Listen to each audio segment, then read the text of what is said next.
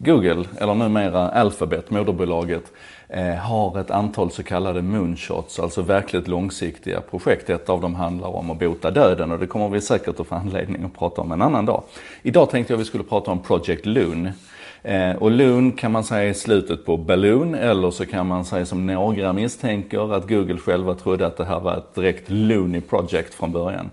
Det handlar om att med hjälp av ballonger som rör sig på ungefär 20 kilometers höjd eh, se till att den delen av världen som inte har internet får internet. Och det här har man varit igång sedan 2013 och målbilden är helt enkelt att om vi har 7,5 miljarder invånare på jorden så ska det inte vara 51% som det är idag som har tillgång till internet utan alla ska ha tillgång till internet. Och då löser man det i Googles fall med ballonger som eh, drivs av solceller men som inte har någon motor egentligen utan som med hjälp av en analys av vindströmningarna där uppe i stratosfären bara reglerar höjden och på det viset kan röra sig. Och det är, det är lite magi, men, men det, alltså just den här navigeringen, den, den verkar funka.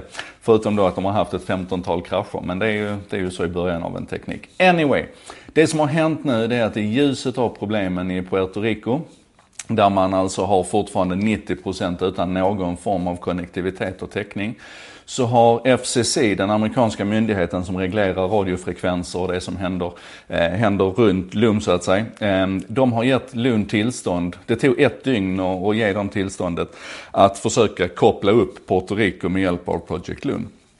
Och det här har man gjort tidigare i lite mindre skala i Peru bland annat när det har varit kris där. Men det här är första gången det sker så att säga i, i verkligt kontrollerat område.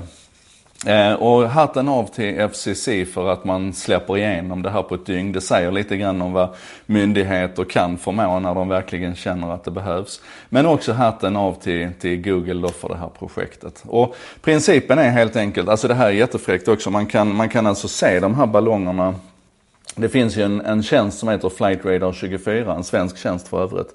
Och i deras app eller på webben så kan man, om man knappar in eh, eh, flygplanskoden, eh, ska vi se här, man knappar in flygplanstypen BALL, alltså balloon, eller söker på registreringskoden HABL. Då kan man se de här ballongerna och se hur de rör sig och man kan se hur de, hastigheten varierar och höjden varierar och vilken, ja det är så, det är är så magiskt. Det är så magiskt. Och tanken är att man ska försöka få 30 ballonger på plats över Puerto Rico. Då täcker man lätt hela, hela ön då och, och får alltså till stånd en, en internetuppkoppling och en, en cell, äh, vet du, mobiltjänst som fungerar. Och redan det är ju, det är ju häftigt, det är ju vackert. Men jag skulle ändå vilja dra det ett varv till och, och bara låta oss klura lite grann på det här med att om hela världen är uppkopplad. Den, brukade ju vara så att det var en enorm fördel om du fysiskt kunde befinna dig på Harvard till exempel, det här universitetet. För då hade du tillgång till alla böckerna som fanns i biblioteket där och du hade tillgång till de bästa lärarna som kunde hålla lektioner och föreläsningar för dig. Och du hade tillgång till ett community av smartskallar runt omkring dig som du kunde diskutera lagstiftning och så vidare. Om du däremot befann dig på, på landsbygden i ett afrikanskt land så hade du inte så mycket att sätta emot. Det där håller på att jämnas ut nu. Det finns massor med fina exempel, bland annat från mindre byar i Rwanda, där man har kopplat upp dem och upptäcker nu liksom vilken enorm skillnad det här gör.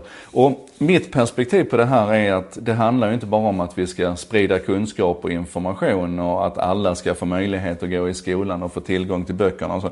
Utan det handlar ju mer om det här communityskapandet. Och min uppfattning är att mänsklighetens räddning är att vi får alla människor att, att hjälpas åt att tänka, lösa problemen, bygga på varandras erfarenheter, upplevelser, kunskap, idéer och då är det ju klart att ju fler människor vi har ombord på internet, ju bättre är det. Och det här är någonting som jag tycker att vi pratar lite för lite om. Vi glömmer bort det här. Vi pratar ofta om liksom vilka, vilken utmaning internet är för demokratin här hemma och, och branschförstörare och allt vad vi nu kallar det. Och ja, det är det ju det också.